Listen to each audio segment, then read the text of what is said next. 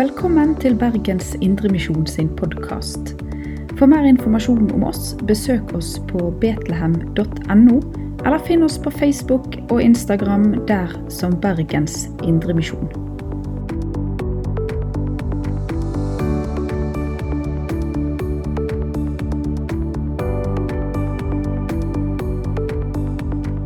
God søndag, alle sammen. Det var litt artig å få høre hva de fikk eh, fordype seg i på søndagsskole i dag. Enten det var hvordan de skal bygge hus, eller telle sand. Det var vel en av de to-tre tingene. Og så var det å klatre i tre. Og jeg tenker at Det er jo sånne ting, i alle fall når du er liten, så det er kjekt å klatre i trær. og Kanskje av og til så lengter folk, når det er kaldt og surt ute, til en varm strand i Syden, der solen varmer og I alle fall Det er mange lengsler. Og det er mange praktiske ting som det gjelder å få tak på i tider. Og så er det noe som òg er viktig. Viktigere enn alt. Viktigere til og med enn å ta seg en tur på fjellet. Kanskje noen som lengter opp på fjellet i dag når, når det er kommet snø og skiføre på vidden, så er det nok noen som òg enten er der oppe allerede eller kunne tenkt seg å ha vært der. Men det er altså noe som er viktigere enn alt, og det er å få med seg Guds ord og få muligheten til å både høre og tilegne seg det som Gud vil gi oss, hos oss som er samlet her i dag. Men vi skal få i alle fall en liten smakebit av det å ta eller slå følge med Jesus på en fjelltur i dag. For teksten som vi finner hos Lukas i det niende kapittel, det handler jo i alle fall om ikke bare, for det er en spesiell opplevelse de får del i, men i alle fall de får slå følge med Jesus på en fjelltur.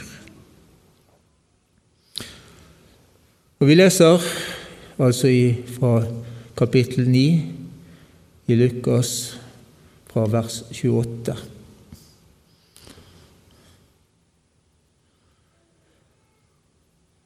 Omkring åtte dager etter at Jesus hadde sagt dette, tok han med seg Peter, Johannes og Jakob og gikk opp i fjellet for å be. Og mens han ba, fikk ansiktet hans et annet utseende, og klærne ble blendende hvite. Med ett sto det to menn og snakket med ham. Det var Moses og Elia. De viste seg i herlighet og talte om den utgangen i livet hans, utgangen livet hans skulle få, og om det han skulle fullføre i Jerusalem. Peter og de andre falt i dyp søvn. Nå våknet de og fikk se hans herlighet og de to mennene som sto sammen med ham. Da mennene skulle til å forlate ham, sa Peter til Jesus.: Mester, det er godt at vi er her. La oss bygge tre hytter, en til deg, en til Moses og en til Elia. Han visste ikke selv hva han sa. Mens han talte, kom det en sky og skygget over dem, og da de kom inn i skyen, ble de grepet av frykt. Det lød en røst fra skyen. Dette er min sønn, den utvalgte hør ham. Og da røsten lød, var det ingen annen å se, bare Jesus. Disiplene tidde med, med dette. På den tiden fortalte de ikke til noen hva de hadde sett. Slik lyder Herrens ord. La oss be. Himmelske Far, dette hva ordet du møter oss med i dag, hellig oss i sannheten. Ditt ord er sannhet. Amen.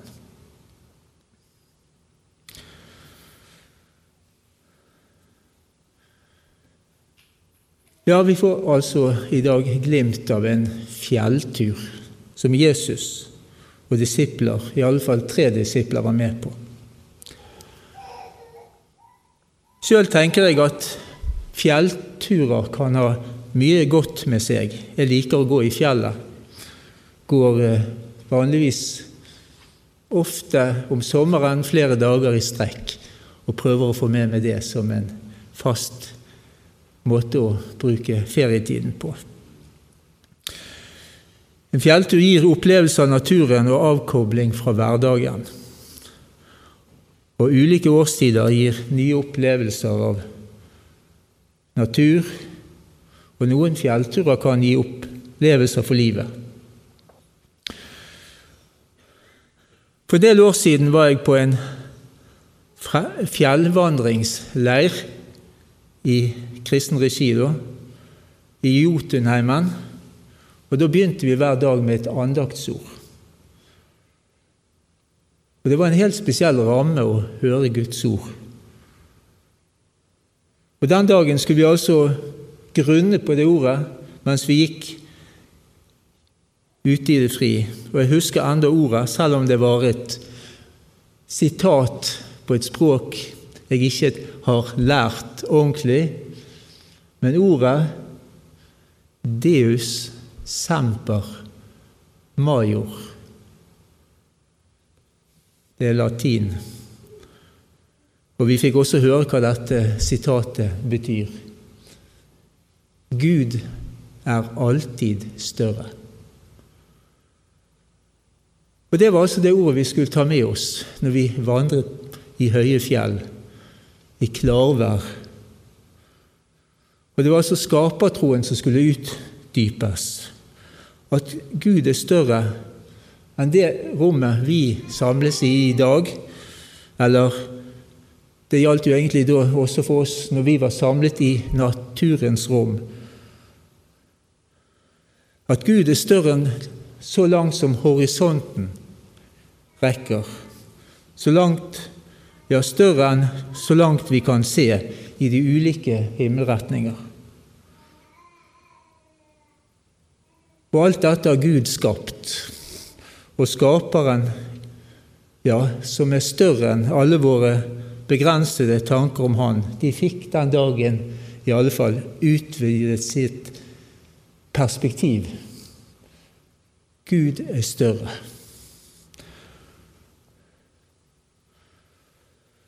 Ellers så tenker jeg at det å bevege seg i naturen og oppleve den, det er noe sant og godt menneskelig. Vi er skapt også til bevegelse.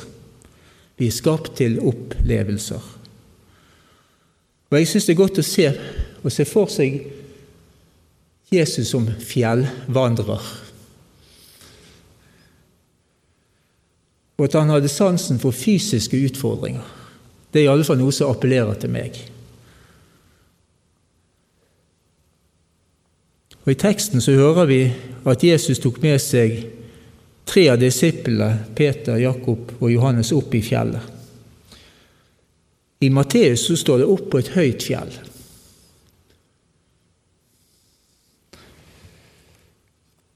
Det fins jo litt forskjellige forestillinger eller spekulasjoner i hvilket fjell dette dreier seg om. Sannsynligvis er det altså et av disse fjellene som er på nordsiden av Genesaretsjøen.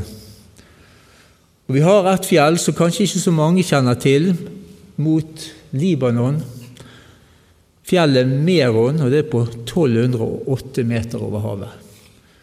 Og så har vi et fjellområde der det er enda høyere fjell, Hermon, og der er fjellet altså det høyeste 2814 meter. Altså høyere enn det høyeste fjellet vi har i vårt land. 2468 er vel det høyeste, i hvert fall hvis vi tar utgangspunkt i fast fjell. Galdhøpiggen. Men det er også enda høyere, så det er en skikkelig fjelltur. Iallfall hvis det er der de har tatt turen. Og Der oppe kunne de altså være i stillhet, stillhet for seg sjøl og be. Og det, Vi leser altså at Jesus Han brukte tiden i fjellet, i bønn. Det kan jo være til ettertanke for oss. Men vi skal holde oss litt i fjellet. Vi har allerede blitt minnet om en av disse historiene vi leser i Bibelen, der vi ser at fjellet er et sted der Gud historisk sett bibelsk tid på bibelsk tid åpenbarer sin herlighet. På Sinai-fjellet fikk Moses altså åpenbart de ti bud. Og Karmelfjellet Jeg vet ikke om du har vært der. Kanskje noen har vært der, i alle fall hvis dere har vært i Israel. Det ligger jo lenger nord, ikke så langt fra Haifa. Og Der skjedde det òg noe spesielt. Profeten Elia beseiret disse andre løgnprofetene. Det vil si det var Gud som seiret og viste seg som den sterkeste overfor Balsprofetene. På Karmel. Men nå er det altså et annet sted, på et høyt fjell. Og mens og det skjer noe helt spesielt også denne dagen. Mens Jesus er i bønn der oppe, så leser vi at ansiktet hans fikk et annet utseende. Klærne ble blendende hvite. Og ikke bare det. Hvem andre enn Moses og Elia er det som viser seg der? Om eh, disiplene var blitt trøtte og i ferd med å falle i søvn, så våkner de nå og de får øye på noe forunderlig. De får oppleve noe helt spesielt. I Lukasevangeliet så får vi en detalj, en viktig detalj fra denne hendelsen. Her står det at de taler sammen om den utgangen Jesu liv skulle ha, om det han skulle fullføre i Jerusalem. Altså Moses og Elias samtaler tydeligvis med Jesus om dette. Om det som skulle skje i Jerusalem. Det han skulle fullføre.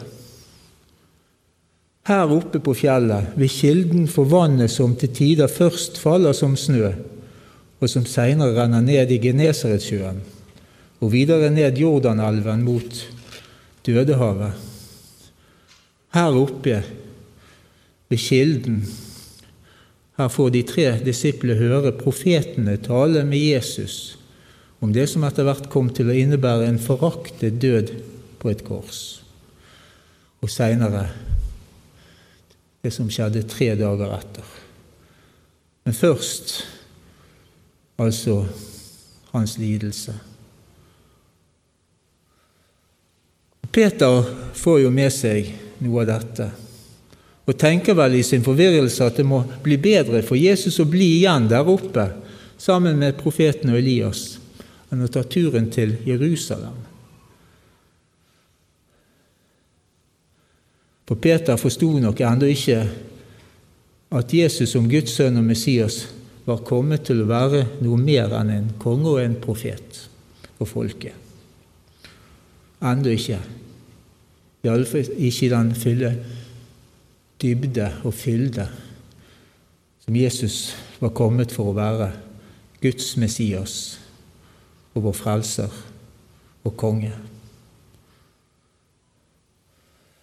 Men i det øyeblikk Peters byggeambisjoner om tre hytter ble uttalt, så kommer det altså en sky som skygget over dem. Og ut av denne skyen lyder en røst. Dette er min sønn, den utvalgte, hør ham.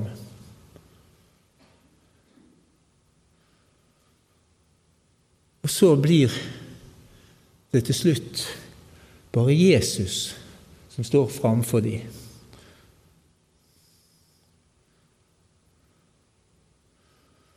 Veirydderen døper Johannes, som var redskap da Jesus lot seg døpe inn i synderens dåp der nede ved Dødehavet, fikk høre nesten de samme ordene. Men nå talte røsten fra skyen i tillegg dette.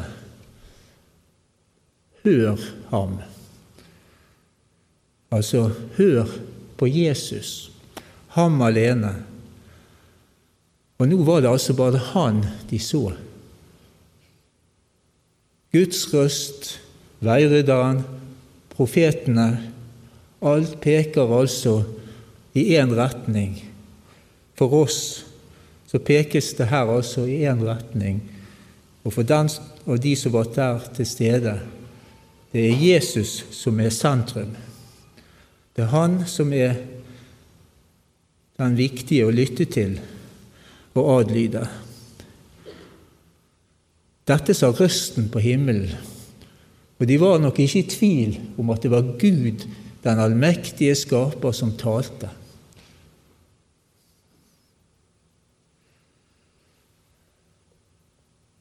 Så er det på en måte slik at de etter hvert er tilbake Kanskje ikke helt i hverdagen, men i alle fall i en alminnelig, på en alminnelig fjelltur på en høy topp. De tre igjen sammen med Jesus oppe på fjellet. Men de har altså fått et glimt inn i noe helt unikt. Og ikke lenge etter så hører vi at Jesus sier menneskesønnen skal overgis i menneskers hender. Markus sier de skal slå ham i hjel, og tre dager etter skal han stå opp. Men de tre disiplene forsto det ennå ikke, i betydningen at det var nødvendig at dette skulle skje.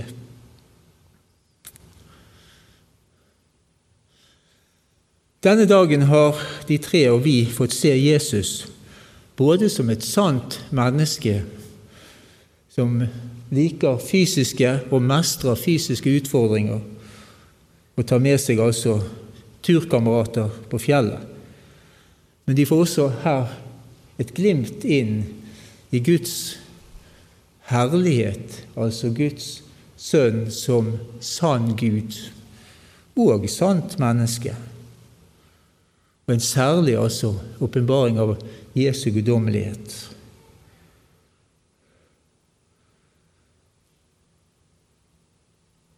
så er det altså disse profetene som talte om han som skulle komme, Guds Messias. Vi vet at Moses talte om at det skulle komme en de skulle høre på.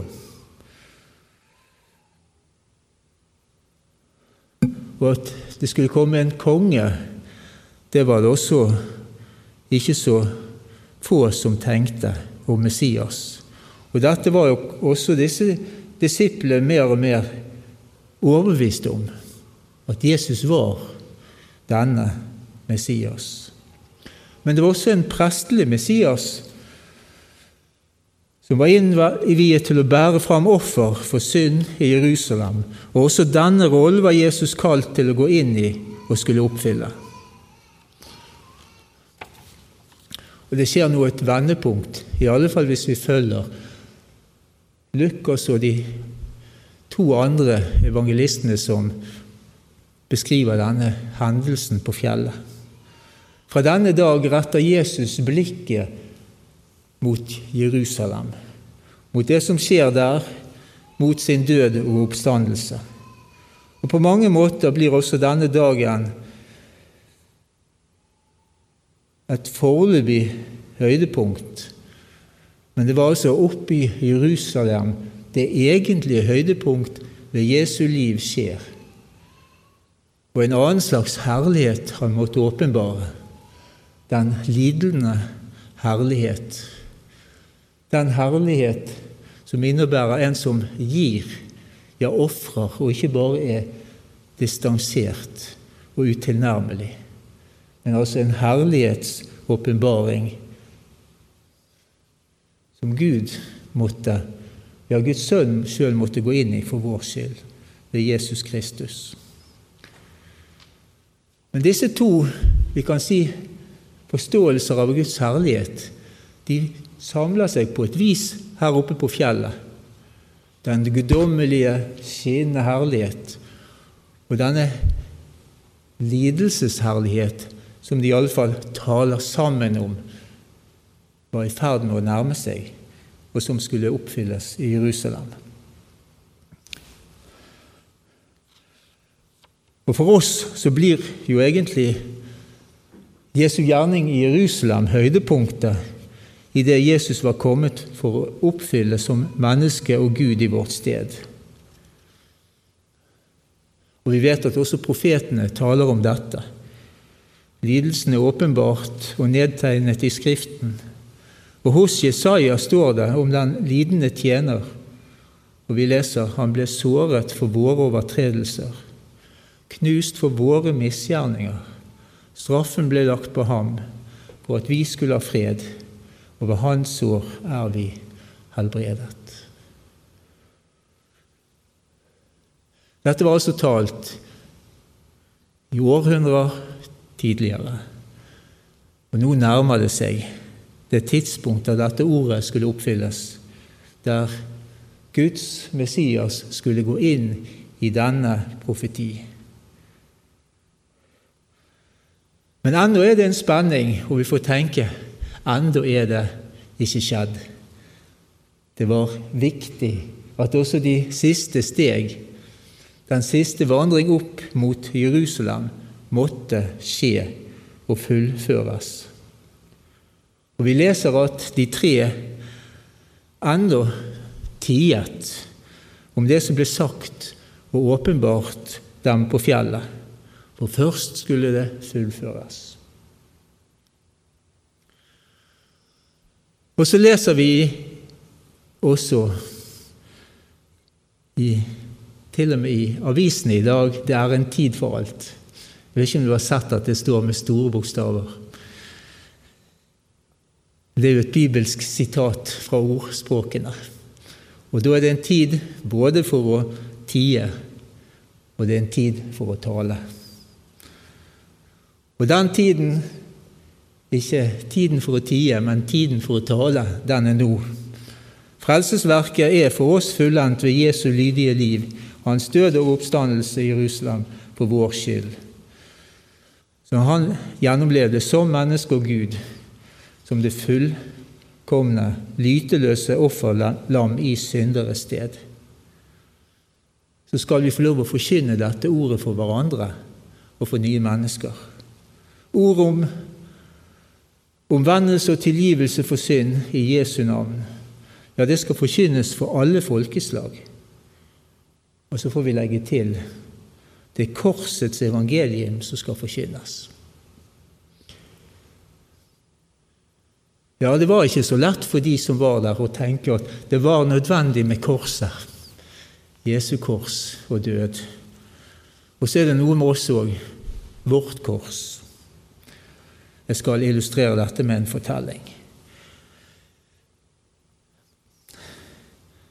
Den kjente russiske forfatteren Dostojevskij som skriver i Brødrene Karamazov om storinkvisitoren på 1500-tallet. Den gamle kardinalen som har utryddet kjettere, og som nå ser Jesus komme der i Sevilla. Denne kardinalen anklager Jesus for å ha valgt feil. Feil da han sa nei til djevelens tilbud om makten, dvs. Si makt utenom å gå veien om korset.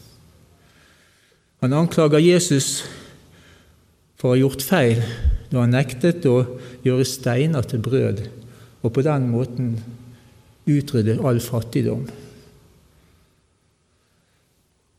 Og anklagen er mot Jesus, for slik ville ikke kardinalen og kirken valgt å gjøre det.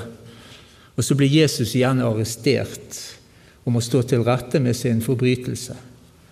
Vil si, denne gangen så blir han ikke korsfestet, men han skal altså brennes på et bål.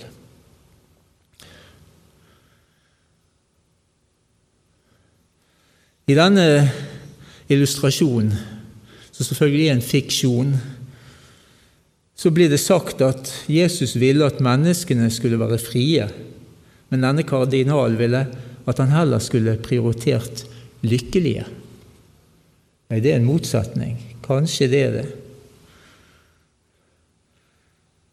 For å få så mange med burde han valgt det siste og ikke det første. Og Grunnen til det egentlig, hvis vi sier at det er en motsetning, det er at noen ganger så gjør altså Jesus mennesker ulykkelige. Det koster noen ganger å være en kristen. Man opplever både motgang og forfølgelse noen ganger når man går i Jesu fotspor, selv om man har løfter om at Jesus og Gud vil være med alle dager. Og han svikter ikke i vanskelige dager. Men noen ganger så må også vi gjennomleve vanskeligheter, selv om det ikke kan sammenlignes med det Jesus en gang gjorde for vår skyld.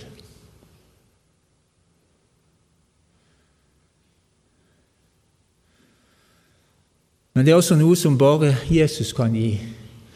Frihet fra synd, tilgivelse og til slutt evig salighet. Og Sånn sett så er det en evig glede som venter oss. Hos den som har slått følge med Jesus i sannhet. Og som tror evangeliet om den korsfestede og slik Skriften taler at det var nødvendig at Jesus skulle lide og dø for vår skyld. Å være kompromissløs i sin kamp mot synden og for sannheten. Denne fortellingen den tok jeg med, for jeg tenker at kanskje den kan også utdype litt av dette, hva det vil si å være en kristen. Og jeg tenker Vi kan spørre oss sjøl hvilken Kristus vil du følge? En Jesus som gjør fri, og til slutt gir oss evig salighet i Guds himmel. Eller en som bare midlertidig og tilsynelatende gjør deg lykkelig, men nå bare for en tid.